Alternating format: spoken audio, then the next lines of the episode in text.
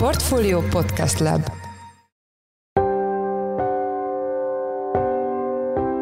Mindenkit üdvözlünk, ez a Portfolio Checklist november 24-én csütörtökön. A mai műsorban egy témánk van, ez pedig az, hogy a Harkivi és Herszoni győzelmek után mekkora az esély újabb ukrán áttörésekre, terület visszaszerzésekre a front más szakaszain. Hogyha röviden akarunk fogalmazni, az ukránoknak itt van a legnagyobb esélye arra, hogy egyébként érdemben át tudják törni a frontvonalat, és ez egyébként szintén nagyon fontos lenne stratégiailag, ugyanis, hogyha valahol a Luhanszki Liman, mert Liman város városból, Harkivban, Donetskban és Luhanskban is van egy, de hogyha Liman környékéig el tudnának jutni az ukránok, ami most megközelítőleg egy 30 kilométeres ugrást jelentene nekik a front mostani állása szerint, de lehet, hogy már egy kicsit kevesebbet, akkor egyébként több esélyük lenne arra, hogy a nagyon jól védett, nagyon jól megerősített Donetsk megyét, illetve Luhansk megye központját, Luhansk város tudják támadni. A témával kapcsolatban Ács Bence, a Portfólió globál rovatának elemzője volt a checklist vendége. Én Forrás Dávid vagyok, a Portfólió Podcast Lab szerkesztője, ez pedig a checklist november 24-én.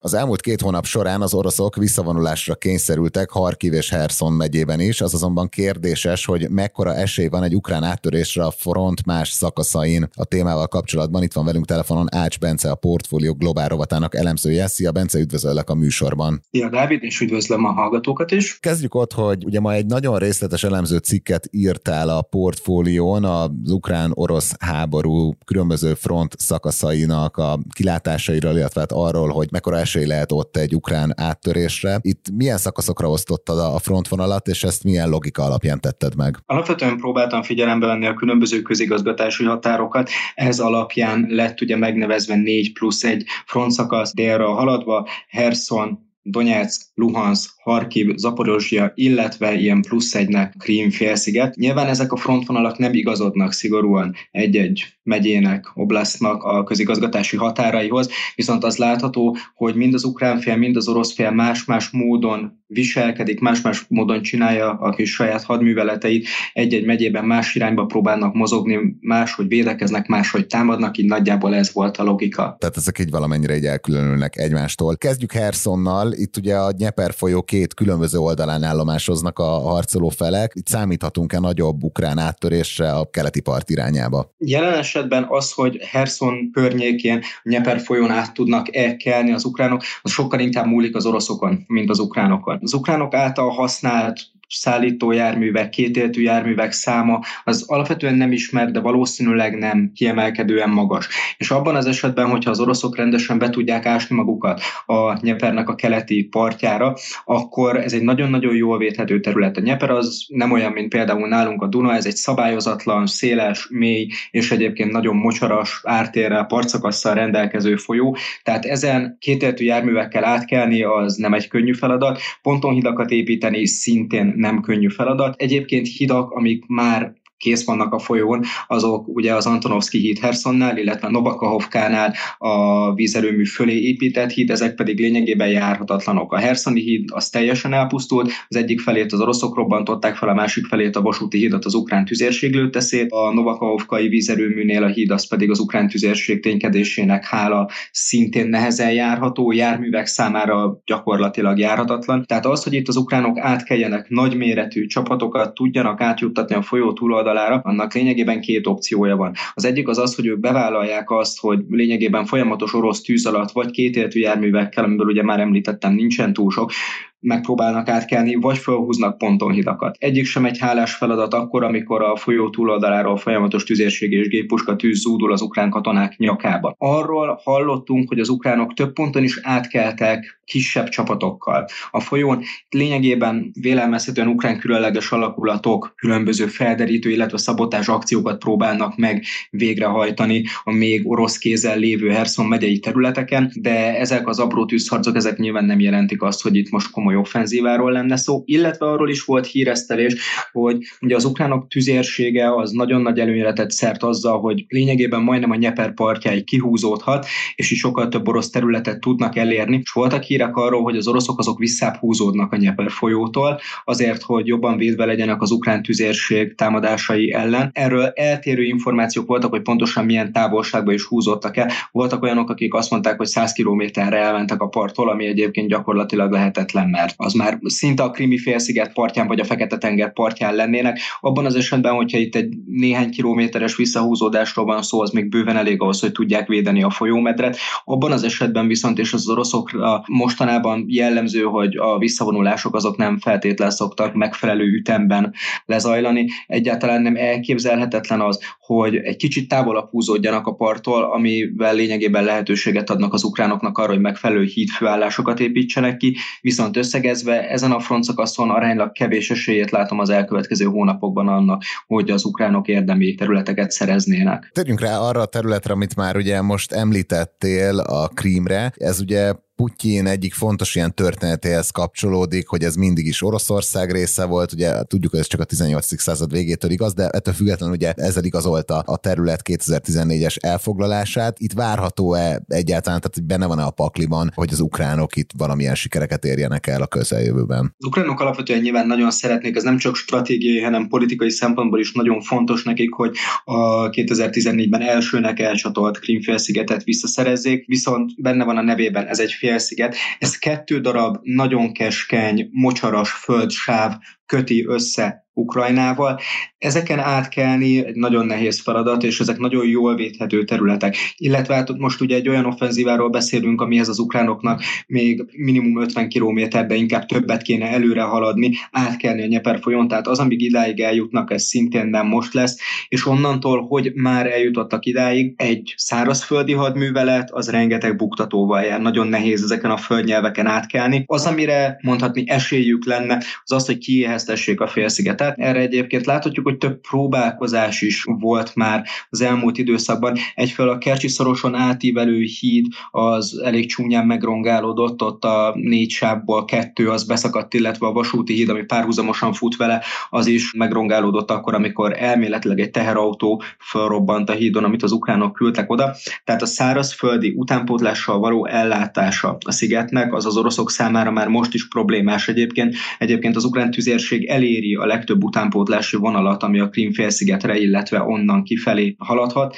Tehát az oroszoknak ezt a területet, hogyha valamilyen módon hadianyaggal el akarják látni, azt vízi úton kell megtenni. És bár az orosz, fekete-tengeri orosz flottát érő ukrán támadások száma az nagyon jelentősen lecsökkent az elmúlt időszakban, de továbbra is vannak jelek arra, hogy egyébként, hogyha közelebb húzódna az orosz flotta Krímfélszigethez, akkor az ukránoknak lenne még lehetősége arra, hogy azokat a hajókat, amivel az oroszok egyébként most is próbálják ellátni a félszigetet, azokat tovább tudják támadni. Tehát a kiéheztetés manőver, annak van realitása, egy szárazföldi támadásnak annak egyébként a gyakorlatban szinte nulla. Menjünk tovább a térképen, ugye térjünk rá az Aporosra területére. Ugye innen leginkább azért érkeznek hírek, mert ugye Európa legnagyobb atomerőművét is olykor-olykor bombatalálat éri. Viszont azt írod a cikkedben, hogy hogy, ez a frontszakasz ez viszonylag csendes mostanában. Itt lenne most értelme egy ukrán előrenyomulásnak? Értelme alapvetően valószínűleg lenne. Egyébként az ukránok azok ilyen nagyon minimális támadásokat szoktak indítani ezen a frontszakaszon is,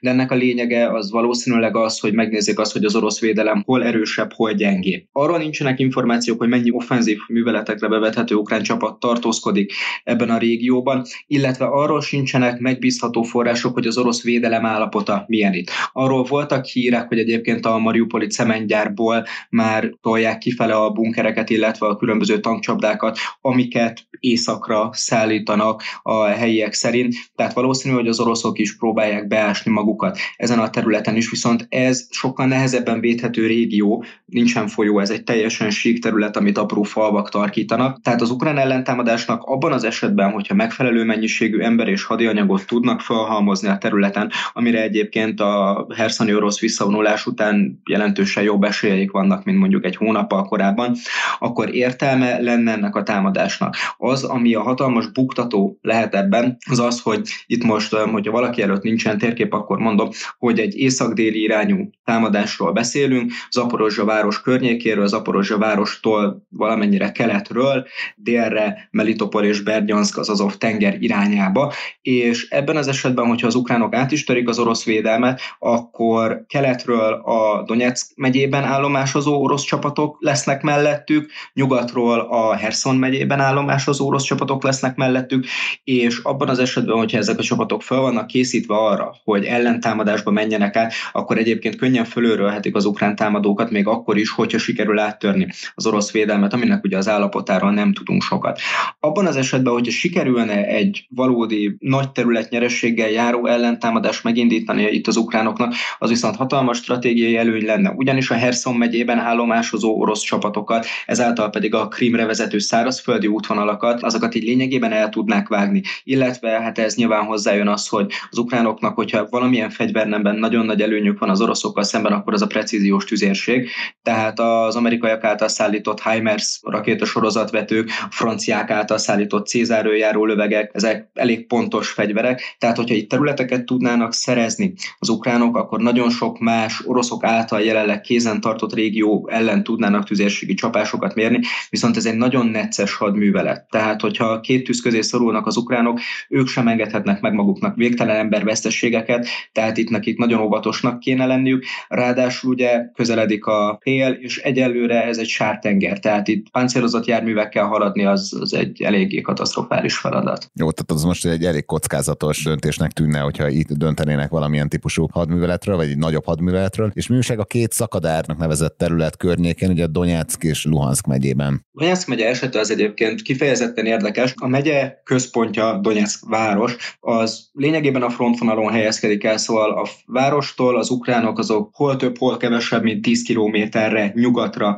állomásoznak. Itt vannak apró csatározások. Az oroszok azok egyébként Donetsztől északra próbálnak meg most már nagyon régóta egy Bakhmut nevű települést elfoglalni. Erre már az ukránok is azt mondják, hogy egyébként ezek öngyilkos akciók, és ők sem értik, hogy ezzel az oroszok miért próbálkoznak. Ennek egyébként stratégiai realitása van, ugyanis a oroszok számára is fontos, de az ukránok kezén lévő Kramatorsk, illetve Szlavjansk városa az Bakhmutból érhető el, tehát itt látszik a törekvés az oroszok esetében arra, hogy kitörjenek ebből a megyéből. Lényegében ez az egyetlen olyan régió most Ukrajnában, ahol érdemi próbálkozás van Moszkva részéről, hogy ők területeket szerezzenek, viszont mind a két félnek egy nagyon nagy problémája van ezen a területen. Az ukránok azok 2014 óta számítanak egy Donetsk megyéből érkező támadásra, és éppen ezért láthatjuk azt, hogy az orosz támadások azok rendre fölkenődnek Bakhmutnál, ugyanis olyan védelmi vonalakat építettek ki, ami egyébként a nyugati elemzők szerint csak nagyon brutális emberveszteségek árán törhető át. És itt nem csak egy sornyi megerősített városról beszélünk, itt a mélységi védelmet is kiépítették az ukránok, tehát azok után, hogy az oroszok elfoglaltak egy falut, utána a következő faluért pontosan ugyanannyit kéne küzdeniük, tehát itt az oroszoknak nagyon nagy mennyiségű emberanyagot, hadianyagot kéne bevetni, amit egyébként egyáltalán nem biztos, hogy tudnak máshol nélkülözni.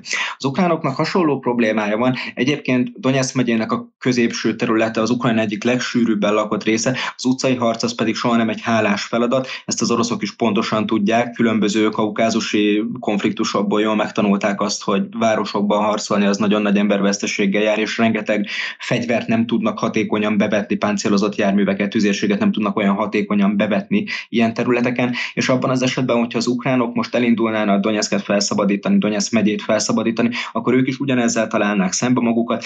Donetsz az egyébként Ukrajnának az ötödik legnagyobb városa, ennek van egy kifejezetten nagy agglomerációja, és itt több jelentős méretű település helyezkedik el egymáshoz nagyon közel, tehát az utcai harcok során az ukránok valószínűleg több embert vesztenének, hogyha ők is megpróbálnak támadni, mint amennyit nélkülözni tudnak. Hasonló mértékben az oroszok sem igazán tudnak kitörni, áttörni az ukrán védelmen. És Luhanskban? Luhansk az viszont egy teljesen más helyzet. Ugye az ukránoknak az első nagyon látványos terület szerzése az éppen Harkiv megyében ellens Luhansztól közvetlenül nyugatra található észak-kelet-ukrajnai megye. Itt történt. Itt az orosz védelem az kimondhatjuk, hogy lényegében teljesen összeomlott, szóval több videó van arról, hogy nagy mennyiségű hadianyagot hagytak hátra, és megpróbáltak minél gyorsabban valamilyen védhető területre visszavonulni, illetve az oroszok próbálkoznak is azzal, hogy védvonalakat építsenek ki Luhansk megyének, így a többé-kevésbé nyugati határain. Nyugati határra már bőven betörtek az ukránok, amit erről az egyébként Wagner vonalnak, a Wagner zsoldosokról elnevezve, Wagner vonalnak nevezett védelmi rendszerről látunk és tudunk, az az, hogy egyfelől nagyon-nagyon gyorsan szeretnének védvonalat kiépíteni az oroszok, másfelől nem túl hatékony, nem túl kiépült ez a lövészárok rendszer, tehát amikor legutóbb két hete műhold felvételeket nézegettem, akkor megközelítőleg egy 2-5 km hosszú lövészárokról beszélünk, egy 100 kilométeres frontszakaszon, tehát ez elenyésző, de az ukránok ettől függetlenül megakadtak. Az, hogy ez az orosz védelem megerősödése miatt van, vagy csapatfeltöltés stratégiai megfontolás miatt, erről nagyon kevés információ jut ki. A térségből az oroszok azok azt közlik, hogy ők megállították az ukrán ellentámadást, és egyébként visszafoglalnak falvakat, ami egyébként igaz is, itt folyamatosan cserélnek gazdát ilyen nagyon kicsi falvak, települések. Az ukránok azok folyamatos előretörésről beszélnek. Szintén ennek is van ugye realitás alapja, mert amíg az egyik falu egyik nap orosz kézen van, addig másik nap ukrán kézen, és ezt mind a ketten minden nap bejelentik, hogy elfoglaltak 20 új falut, csak azt nem mondják, hogy ugyanazt a 20 De ettől függetlenül azt, amit szinte biztosra lehet tudni, az az, hogy az ukrán csapatoknak egy nagyon jelentős része az Luhansk megyében, illetve Harkiv megyében állomásozik, tehát létszámban az ukránok itt itt eléggé jól állnak, és velük szemben egyébként, ami a sajtóba is kikerül, egyfelől a nem túl jól felszerelt, illetve nem túl jól képzett orosz sorkatonák, illetve a Wagner zsoldosok vannak. Wagner zsoldosokról pedig nagyon eltérő információk keringenek jelenleg. Híressé, vagy inkább hírhetté Szíriában, illetve Afrikában váltak, ott vetette őket be gyakran Putyin, illetve a mai napig vannak Wagner zsoldosok Afrikában és Szíriában is. Ők egy eléggé potens harcoló alakulatnak tűntek a háború kirobbanásakor. Azóta a renoméjuk az jelentősen lecsökkent. Ez lehet, hogy azért van, mert erről vannak híresztelések, hogy a Wagner zsoldosoknak a főnöke, Prigozsin, aki egyébként gyakran, mint Putyin séfje van megemlítve a sajtóban, ő a kevésbé jól képzett, ezekből a börtönökből toborzott zsoldosokat küldi a frontvonalra, és az egyébként harcedzett katonákat, azokat pihenteti, hátrébb tartja. Ez az A opció. A B opció pedig az, hogy ezt látni kell, hogy a ukránoknak megközelítőleg 20 ezer olyan katonájuk van jelenleg, amit nyugati NATO tagállamok képeztek ki, és a különböző interneten elérhető felvételeken látszódik az, hogy egyébként ők értenek ehhez a szakmához, tehát um, profi módon végzik a feladatukat. Több hang is azt mondja, hogy lehet, hogy a Wagner zsoldosok inkább azért nem túl hatékonyak, mert jelentősen más harcolni egy szíriai szipésszel, aki Kalasnyikovot ragadott és lázadónak állt, meg egy NATO által kiképzett ukrán katonával illetve hát kifejezetten sok fénykép van, amin az látszik, hogy a Wagner zsoldosok egy jelentős százaléka az AliExpressről rendeli a felszerelését. Az AliExpress ugye egy kínai webshop, itt nagyon sok katonai jellegű felszerelést meg lehet vásárolni. Ez egyébként már hónapokkal ezelőtt is nyilvánvaló volt, hogy az oroszok nagy része azonnan berendelhető rádiókat, CB rádiókat használja, de egyébként kamu golyóálló mellényekről is több fotó kikerült már. Tehát az, hogy a Wagner zsoldosok mennyire hatékonyak, az kérdéses. Hogyha röviden akarunk fogalmazni, az ukránoknak itt van a legnagyobb esélye arra, hogy egyébként érdemben át tudják törni a frontvonalat, és ez egyébként szintén nagyon fontos lenne stratégiailag, ugyanis, hogyha valahol a Luhanszki Liman, mert Liman városból Harkivban, Donetskban és Luhanskban is van egy, de hogyha Liman környékéig el tudnának jutni az ukránok, ami most megközelítőleg egy 30 kilométeres ugrást jelentene nekik a front mostani állása szerint, de lehet, hogy már egy kicsit kevesebbet, akkor egyébként több esélyük lenne arra, hogy a nagyon jól védett, nagyon jól megerősített Donetsk megyét, illetve Luhansk megye központját, Luhansk város tudják támadni. Nyilván az utcai harcok itt is legalább olyan brutálisak lennének, mint ahogy feltételezzük, hogy Donetsk megyében alakulnának, de nagyon-nagyon komoly mértékben el tudnák vágni az orosz csapatokat egymástól egy ilyen áttöréssel. Jó, még van egy kérdésem, hogy mik azok a tényezők, amik, hogyha megváltoznának, vannak, azok alapjaiban alakítanák át a jelenlegi helyzetértékelésedet? Több ilyen tényező is van. A sajtóban mostanában merül föl az a kérdés, hogy a nyugati hatalmak meddig fogják támogatni Ukrajnát. Nyilván, hogyha az ukránok kevesebb hadianyagot kapnak nyugatról, akkor az nagyon csúnyán le tudja rontani az ő harcértéküket. Nyilván a már harcedzett katonák nem fognak elfelejteni harcolni, de hogyha nincsen lőszer, akkor a puskatussal napjainkban aránylag ritkán hatékony harcolni az ellenféllel. Tehát a nyugati fegyverszállítmányok, nyugati támogatás alapadása az egyébként lehet veszélyes. Most legfrissebben éppen a Lengyelországot ért véletlen rakéta támadás miatt, illetve az erre adott ukrán reakció miatt merült fel az a nyugati hatalmak részéről, hogy biztos akarják-e támogatni Ukrajnát. Egyébként egyelőre az látszódik, hogy igen, a nyugat az továbbra is Ukrajna mellett van, illetve hát például az Egyesült Államok esetében akármilyen hatalmas több milliárd dolláros összegekről beszélünk, az amerikai gazdaság még a mostani kevésbé potens állapotában is ki tudja heverni azokat a veszteségeket, amiket küldenek. Itt sokkal nagyobb problémát jelent a gyártókapacitás. Tehát az európai országok azok nem álltak át tömegtermelésre, hogy például tüzérségi lőszer gyártsanak az ukránoknak, hogyha nincsen elég lőszer, az ukrán tüzérségnek az az előnye, ami eddig megvolt, az egyébként könnyen elveszhet. Erre egyébként már voltak az európai hatalmak részéről olyan megjegyzések, hogy lehet, hogy egy picit fölgyorsítanák a fegyvergyártást. Ez egy tényező. Még egy tényező az, amit nem lehet tudni előre, hogy mi van a mozgósított orosz katonákkal. Hivatalosan december-január környékén ér véget a kiképzésük, inkább december környékén, és utána fogják őket a frontra küldeni. Ez megközelítőleg az orosz források szerint 200 ezer katonát jelent. Ez egy potens emberanyag, tehát nagy méretű emberanyag. Egyfelől nem tiszta az, hogy ezek a katonák valóban három hónapig lettek-e az alapkiképzés során betanítva arra, hogy hogyan kell harcolni, vagy egyébként egy hét után, vagy még annál kevesebb idő után a frontra küldték őket. Az oroszok az előbbit mondják, a frontról kikerülő információk azok gyakran egyébként inkább az utóbbira engednek következtetni, hogy ezek a katonák lényegében kiképzés normális felszerelés nélkül lettek ledobva, egyébként pont Luhansk megyében. Abban az esetben, hogy az oroszok nagy mennyiségű katonát egyébként elfogadható szinten kiképezve tudnának bevetni Ukrajnában, akkor az tudna veszélyeket jelenteni az ukrán csapatokra, de a modern hadviselésnek az egyik szörnyű része az az, hogy a nagyon sok katona az jelen esetben már inkább nagyon sok halottat, mint nagyon sok eredményt szokott eredményezni. Tehát, hogyha ezek a katonák nincsenek megfelelően felszerelve, nincsen megfelelő légitámogatás, páncélosok, tüzérség, csak gyalogság, az problémás, és az oroszoknak a különböző hadianyagból fönnálló tartalékai azok a legtöbb forrás szerint kezdenek megcsappanni. Ezen kívül még egy harmadik tényező, amivel szintén nehéz számolni, az az, hogy éppen hogyan alakul az időjárás. Addig, amíg szakad az eső és sár van, addig egyik fél sem tud érdemben sem erre menni, mert független attól, hogy lánctalpas vagy kerekes járműről beszélünk, abban a sárban, ami Ukrajnára jellemző, ott mindegyik el tud akadni. Szóval a P-72-es harckocsi a széles lánctalpával ugyanúgy toronyig bele tud merülni a sárba, mint ahogy az amerikaiak által az ukránoknak adott páncélozott szállító járművek. Abban az esetben, hogyha beáll a fagy, akkor nyilván jóval könnyebb lesz haladni, hogyha rendesen megfagyott a talaj, akkor ezek a járművek már fognak tudni közlekedni. Itt viszont az a kérdés, hogy a katonáknak a felszereltsége az mennyire van téliesítve, és ez egy olyan tényező, ahol jelenállás szerint az ukránok jobban állnak.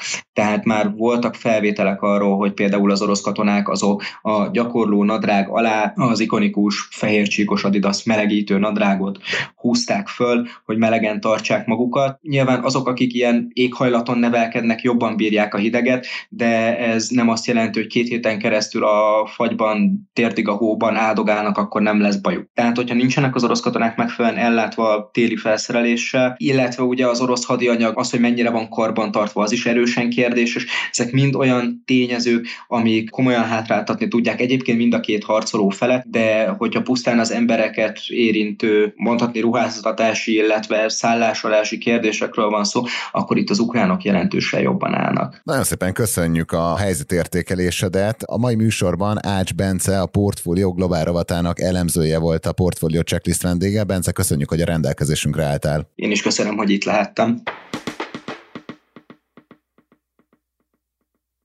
Növényvédelem vagy bolygóvédelem. Egyre erőteljesebben feszülnek egymásnak a hatékonysági és a fenntarthatósági szempontok, ha az Európai Unión belüli növénytermesztés szabályozásáról van szó. Nem csak a piacot, hanem már a hétköznapi életünket is hamarosan észrevehetően befolyásolja majd.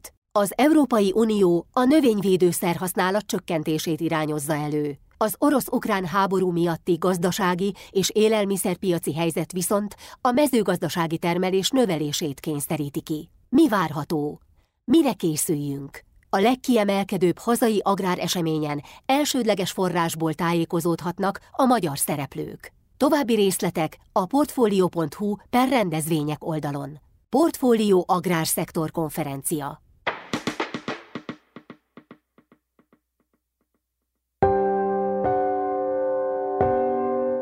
Ez volt már a Checklist, a Portfolio munkanapokon megjelenő podcastje. Ha tetszett az adás, akkor iratkozz fel podcast csatornánkra valamelyik nagy podcast felületen, például a Spotify-on, az Apple Podcast-en vagy a Google Podcast-en. Ha segítenél nekünk abban, hogy minél több hallgatóhoz eljussunk, akkor arra kérünk, hogy értékeld a Portfolio Checklistet azon a platformon, ahol követsz minket. A mai adás elkészítésében részt vett Bánhidi Bálint és Gomkötő Emma, a szerkesztő pedig én, Forrás Dávid voltam. Új adással holnap, azaz pénteken, 5-kor jelentkezünk, addig is minden jót kívánunk, sziasztok!